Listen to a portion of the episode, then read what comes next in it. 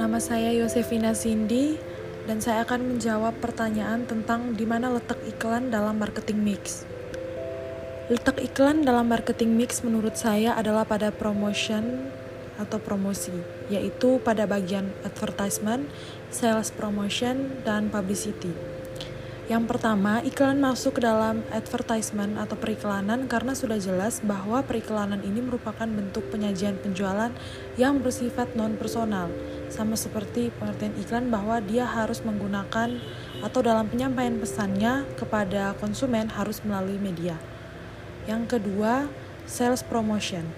Selain karena tujuan dari sales promotion adalah untuk mendorong konsumen tertarik mencoba atau membeli sebuah produk, Sales promotion saya kategorikan sebagai iklan juga karena menurut saya dalam menyukseskan kegiatan sales promotion ini membutuhkan media, misalnya poster-poster potongan harga, undian-undian berhadiah dan bahkan iklan di televisi atau media-media mana pun.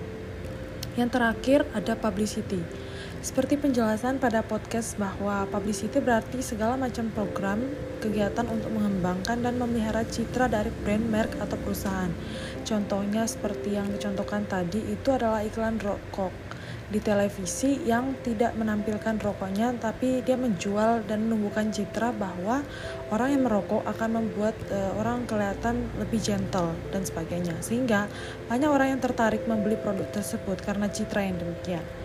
Selain itu, program-program kegiatan oleh PR ini juga untuk menjaga dan mendukung reputasi brand di masa sekarang ini.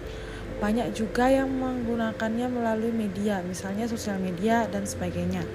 Sekian jawaban dari saya. Terima kasih.